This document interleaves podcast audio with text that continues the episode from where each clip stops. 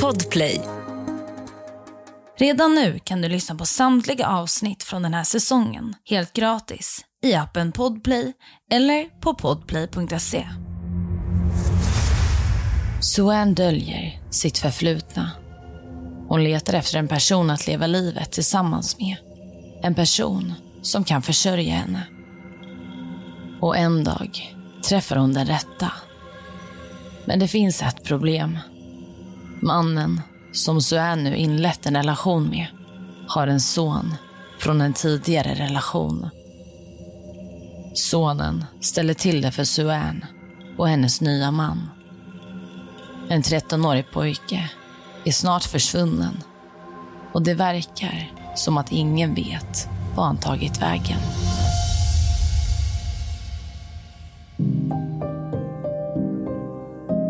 Du lyssnar på Jakten på mördaren med mig, Saga Springhorn. Jag vill varna för grovt innehåll i dagens podcastavsnitt.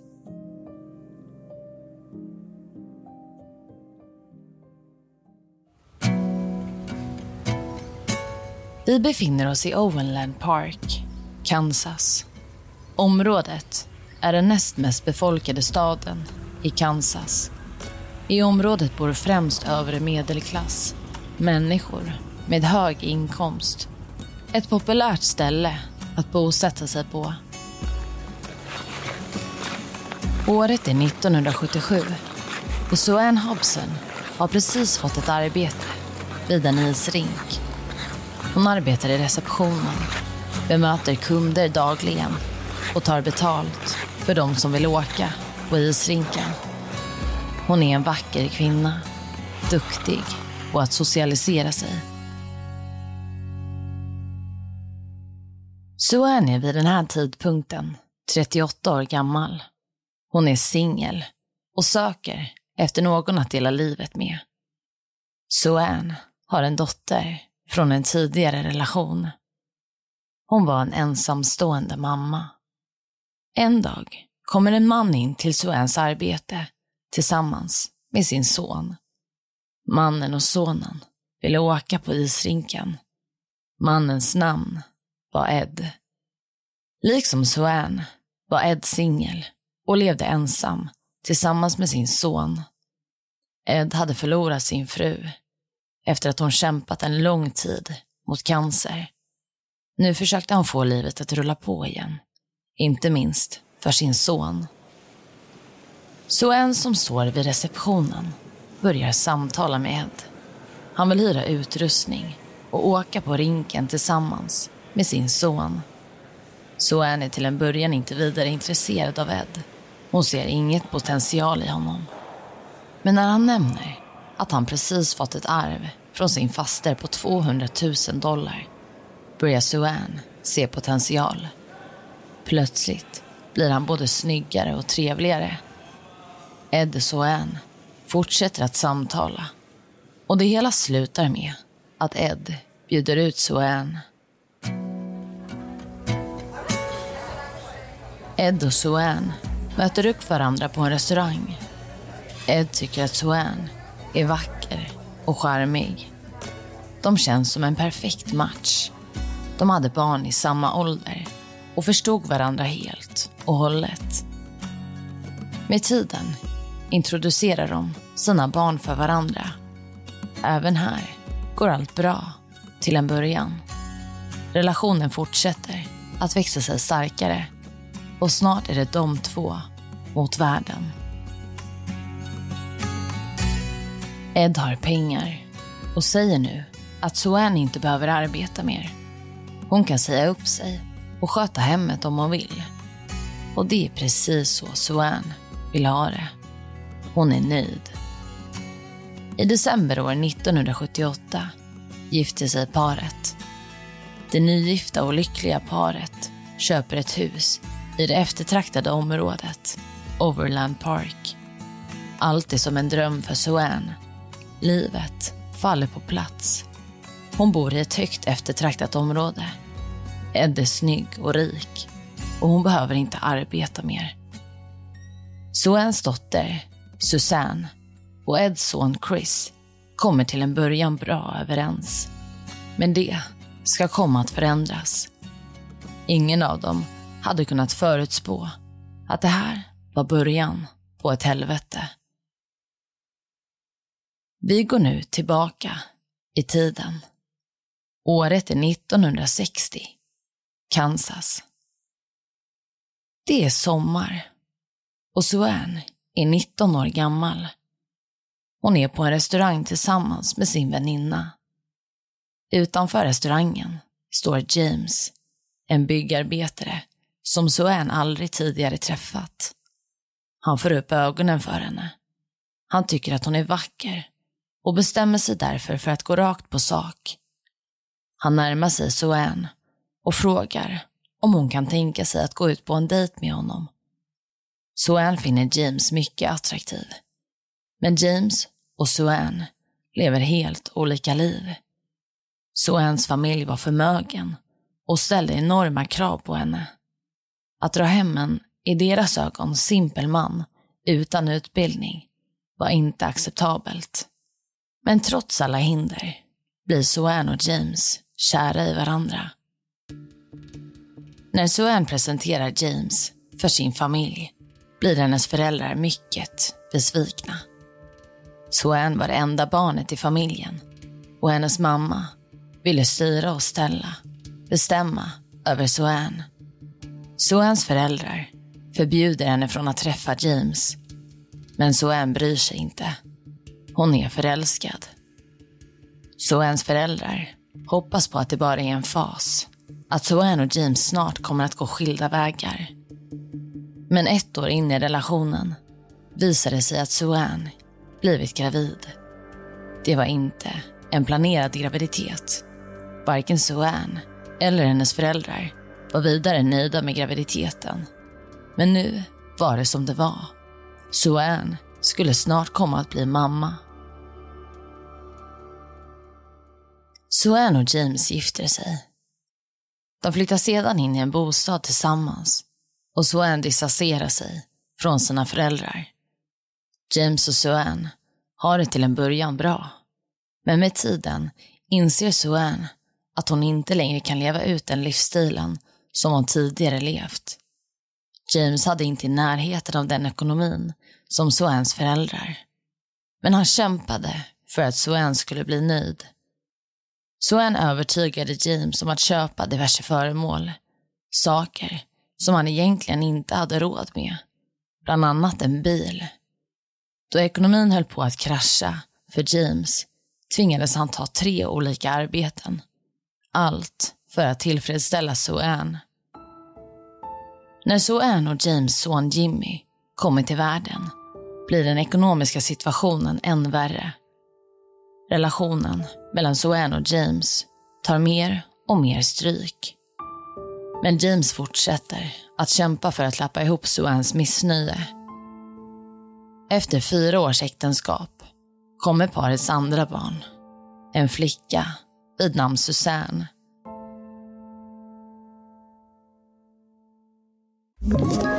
Ett poddtips från Podplay. I fallen jag aldrig glömmer djupdyker Hasse Aro i arbetet bakom några av Sveriges mest uppseendeväckande brottsutredningar går vi in med hemlig telefonavlyssning och, och då upplever vi att vi får en total förändring av hans beteende. Vad är det som händer nu? Vem är det som läcker? Och så säger han att jag är kriminell, jag har varit kriminell i hela mitt liv men att mörda ett barn, där går min gräns. Nya säsongen av Fallen jag aldrig glömmer på Podplay. Nu när Susanne kommer till världen tar Susanne rollen som mamma på ett helt nytt sätt.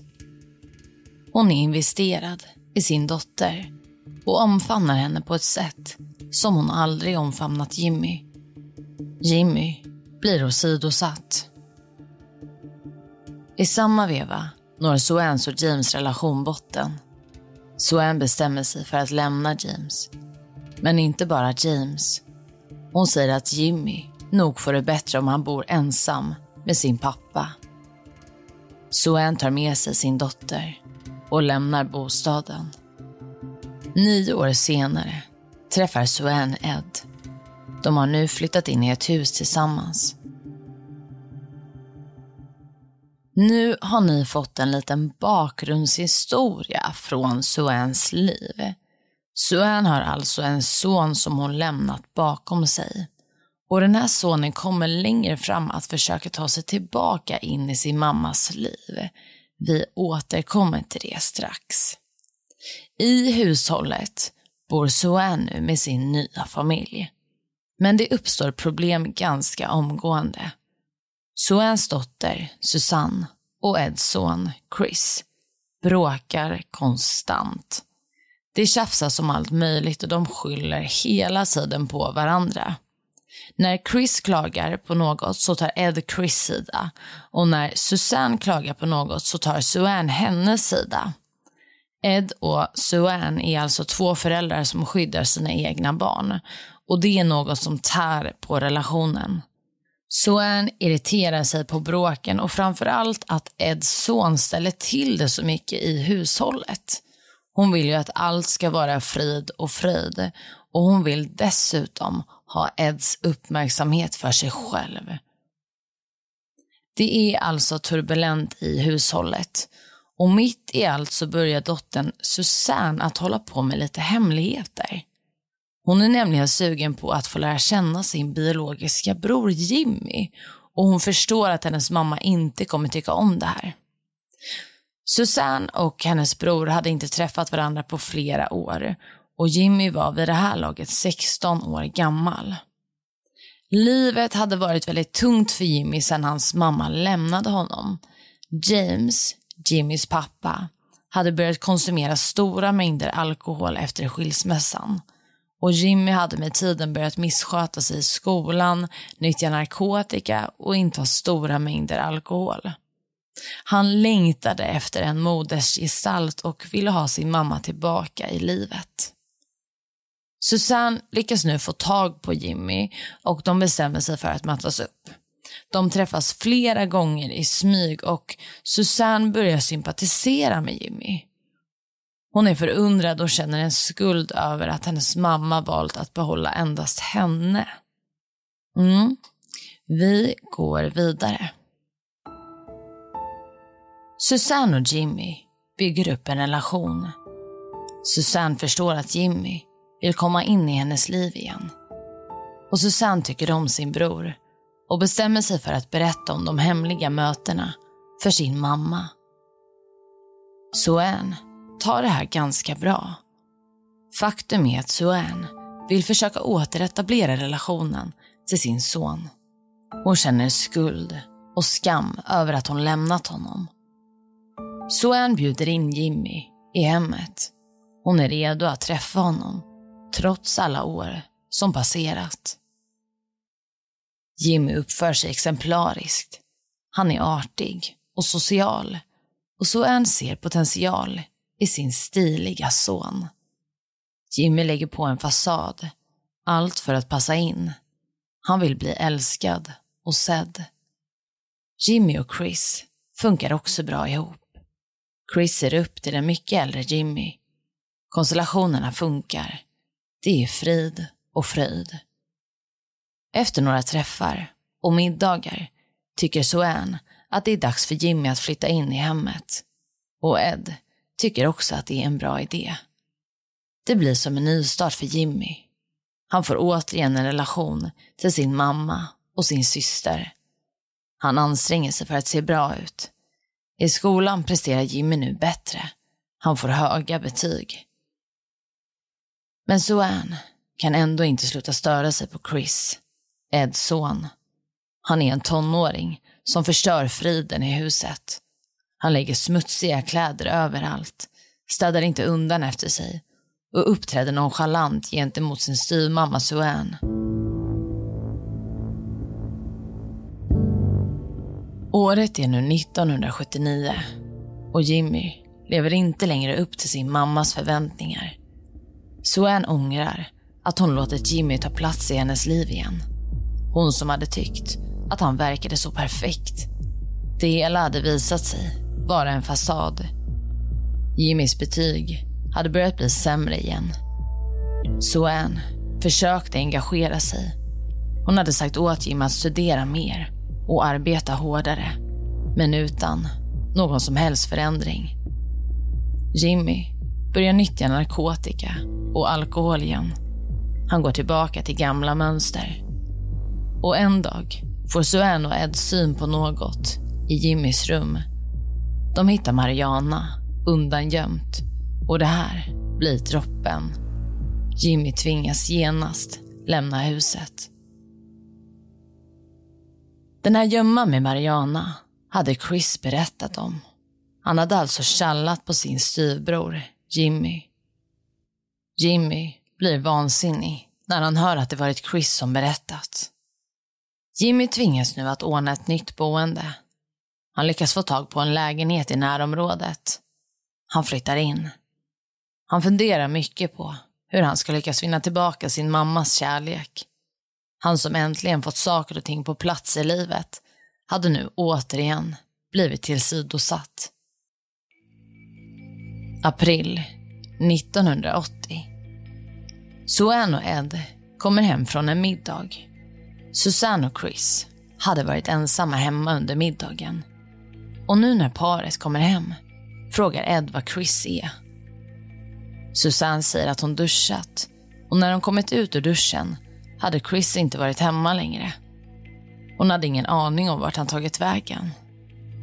Ed är ganska lugn och sansad när han går runt i huset och letar efter Chris.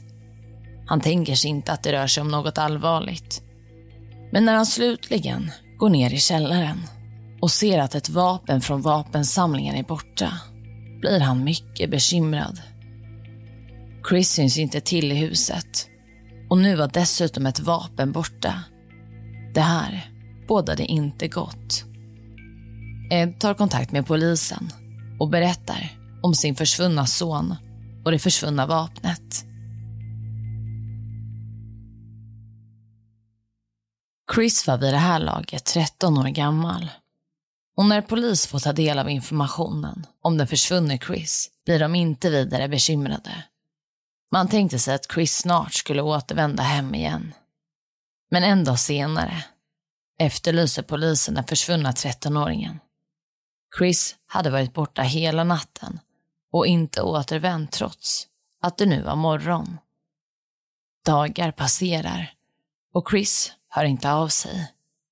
Nu påbörjas en intensiv polisutredning.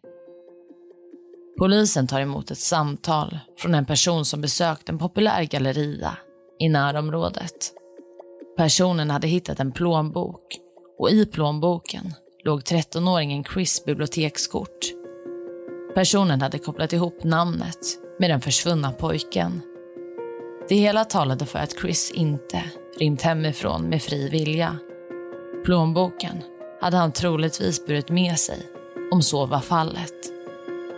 Polisen drar igång ett omfattande sökande, men sökningen ger ingenting. Det hade nu gått en vecka och sannolikt var Chris död då det gått så pass lång tid. Dagar fortsätter att passera och den första maj kommer ett tips in till polisen.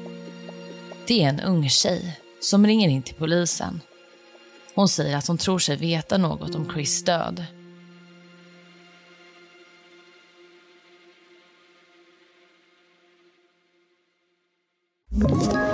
Ett poddtips från Podplay. I fallen jag aldrig glömmer djupdyker Hasse Aro i arbetet bakom några av Sveriges mest uppseendeväckande brottsutredningar går vi in med hemlig telefonavlyssning och, och då upplever vi att vi får en total förändring av hans beteende. Vad är det som händer nu? Vem är det som läcker?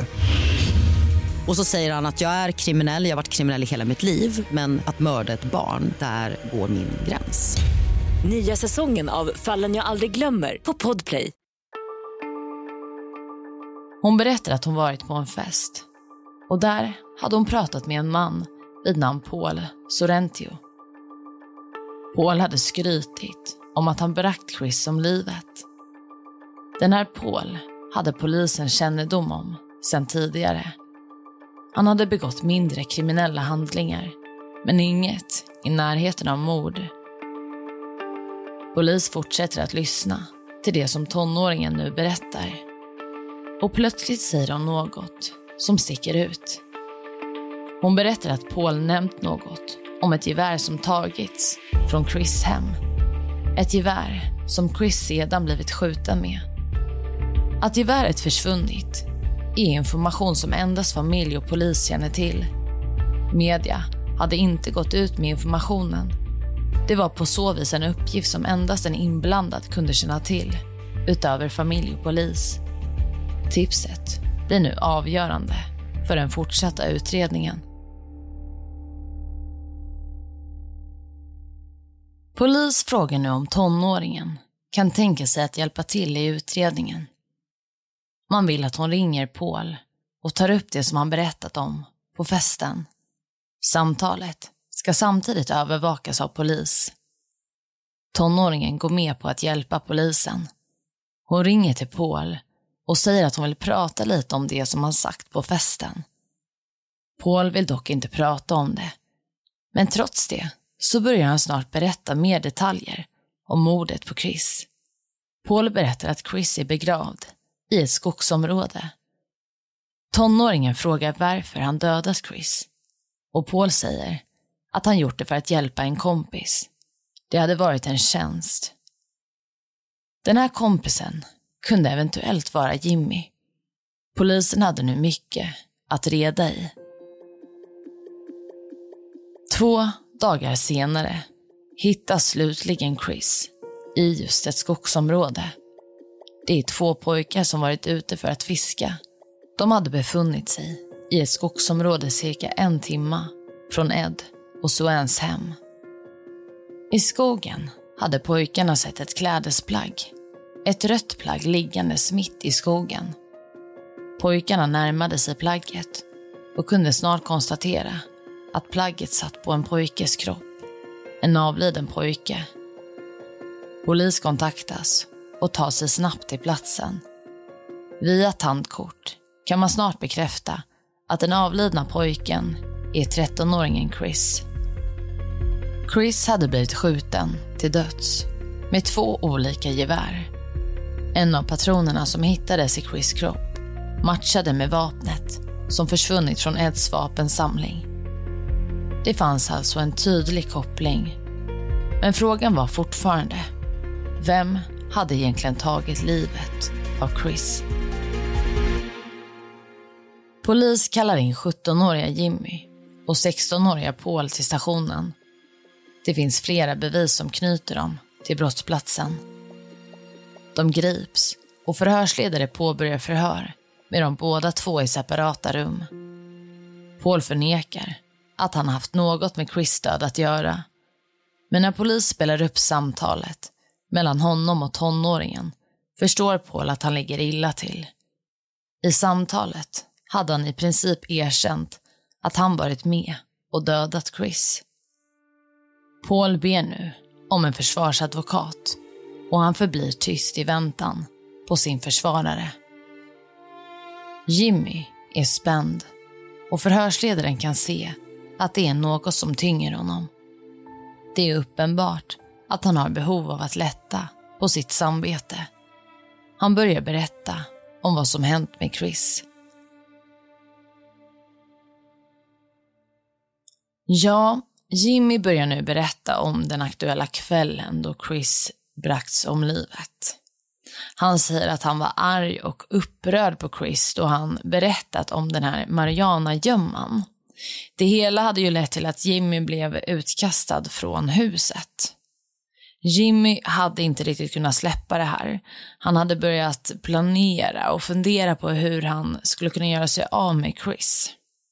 Jimmy säger att han bett Paul om hjälp då han inte trodde att han skulle klara av att döda Chris ensam. Så Paul och Jimmy åker hem till Eds och Suans hus den här aktuella kvällen. När de kommer in i bostaden så är Susanne i duschen, så det här blir ett perfekt tillfälle. Jimmy och Paul går in i huset och där sitter Chris förundrad. Han frågar vad Jimmy gör i huset. Jimmy säger att han bara ska hämta en sak. Paul har med sig ett eget vapen den här kvällen och Jimmy vill också ha ett vapen så han går ner i källaren och hämtar ett av vapnen från samlingen. Han gömmer det och går sen upp igen. Här lyckas han övertala Chris om att följa med honom och Paul. Man får inte glömma att eh, Chris var betydligt mycket yngre och Jimmy är ju äldre och han är lite cool i Chris ögon så Chris bestämmer sig för att följa med. De går ut i bilen och börjar åka därifrån. De åker mot ett lantligt område och under, och under bilresan börjar Chris ifrågasätta vad de egentligen ska. Det hela tar cirka 45 minuter innan bilen stannar i ett ödsligt skogsområde. Chris är förvirrad och stämningen börjar bli hotfull. När killarna går ut ur bilen så visar Paul och Jimmy upp sina vapen. Chris blir väldigt rädd och killarna tvingar honom att gå in i skogen. Väl djupt inne i skogen får Chris börja gräva en djup grop. Den gropen som ska bli hans provisoriska grav.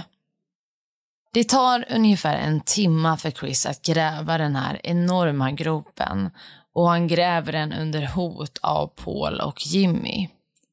När Chris grävt klart så säger Paul och Jimmy att han ska hoppa ner i gropen. Därefter riktar de sina vapen mot Chris och börjar skjuta. Den här utsagan stämmer väl överens med de fysiska bevisen och tidslinjen. Men Jimmy berättar ytterligare en sak. Han säger att han utfört mordet, främst då Suan, bett honom om att göra det. Vi går vidare. Jimmy erkänner mordet, men blandar nu också in sin mamma. Han börjar berätta. Suan hade väldigt svårt för Chris. Faktum var att hon avskydde honom. Suan ville göra sig av med Chris och därför hade hon tagit kontakt med Jimmy. Hon frågade om han kunde ställa upp med en tjänst. Hon ville att han skulle ta livet av Chris.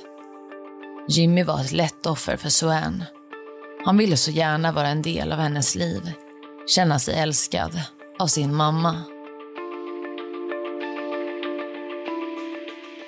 Det hela faller på plats. Man tar in Suan på förhör. Förhörsledaren berättar om vad Jimmy sagt under ett tidigare förhör. Att Suan varit den som bett honom att utföra mordet. Suan förnekar. Hon berättar om sin syn på det hela. Och desto mer hon pratar, desto mer trasslar hon in sig. Suan påstår att hon träffat Jimmy och sagt åt honom att göra något med Chris. Hon hade inte menat att Jimmy skulle ta hans liv. Hon hade istället menat att Jimmy skulle sätta honom på plats, ge honom lite stryk. Det framkommer också att Suans dotter varit med under det här samtalet. Hon hade hört allt. När polis samtalar med Susanne får hon berätta om sin upplevelse. Utredare frågar Susanne vad hon tror att hennes mamma menat när hon sa att något måste göras åt Chris. Susanne svarar, utan att tveka. Hon menade att han inte skulle komma hem igen. Utredare frågar om hon tror att Suanne ville att Jimmy skulle ta livet av Chris. Susanne svarar ja. Det visar sig att Susanne varit medveten om planen. Att hon skulle stå i duschen när Paul och Jimmy tog med sig Chris från hemmet. Den 3 maj 1980 åtalades Jimmy, Paul och Suanne för mordet på Chris. Ed begärde ut en skilsmässa tätt inpå åtalen. Men Suanne var en mycket manipulativ person. Hon lyckades övertyga Ed om att hon inte var inblandad i mordet på Chris. Ed trodde på henne. Innan rättegången drog igång gifte de sig igen. De blev återigen man och fru. I april 1982 inleddes rättegången mot de tre åtalade. Suanne skyller allt på sin son. Enligt henne var det inte tal om att hon bett Jimmy att mörda Chris. Jimmy är enormt besviken på sin mamma. Han förstod en gång för alla hur lite han faktiskt betydde för henne. Jimmy vittnar emot sin mamma. Han är åklagarsidans huvudvittne. Han berättar om alla incidenter i hemmet, hur mycket Suan avskytt Chris. Jimmy berättade att hans mamma ville att Chris skulle dö innan julen så att hon skulle slippa köpa presenter till honom. Paul och Jimmy dömdes till livstidsfängelse för mordet på Chris. Suan dömdes för överlagt mord och stämpling till mord. Liksom Paul och Jimmy dömdes hon till livstidsfängelse. Paul och Jimmy avtjänade 18 år i fängelset innan de beviljades frigivning. År 2011 släpptes den då 68-åriga Suan efter att ha avtjänat 21 år i fängelse. Och än idag är Ed och Suan gifta. De bor tillsammans i Kansas. Varken Susanne eller Jimmy har kontakt med sin mamma. Och det var allt för dagens avsnitt. Vill du komma i kontakt med mig så kan du skriva till mig på Instagram där jag heter Saga Springkorn eller mejla till jaktenpamordaren at springkorn.se. Tack för att du har lyssnat.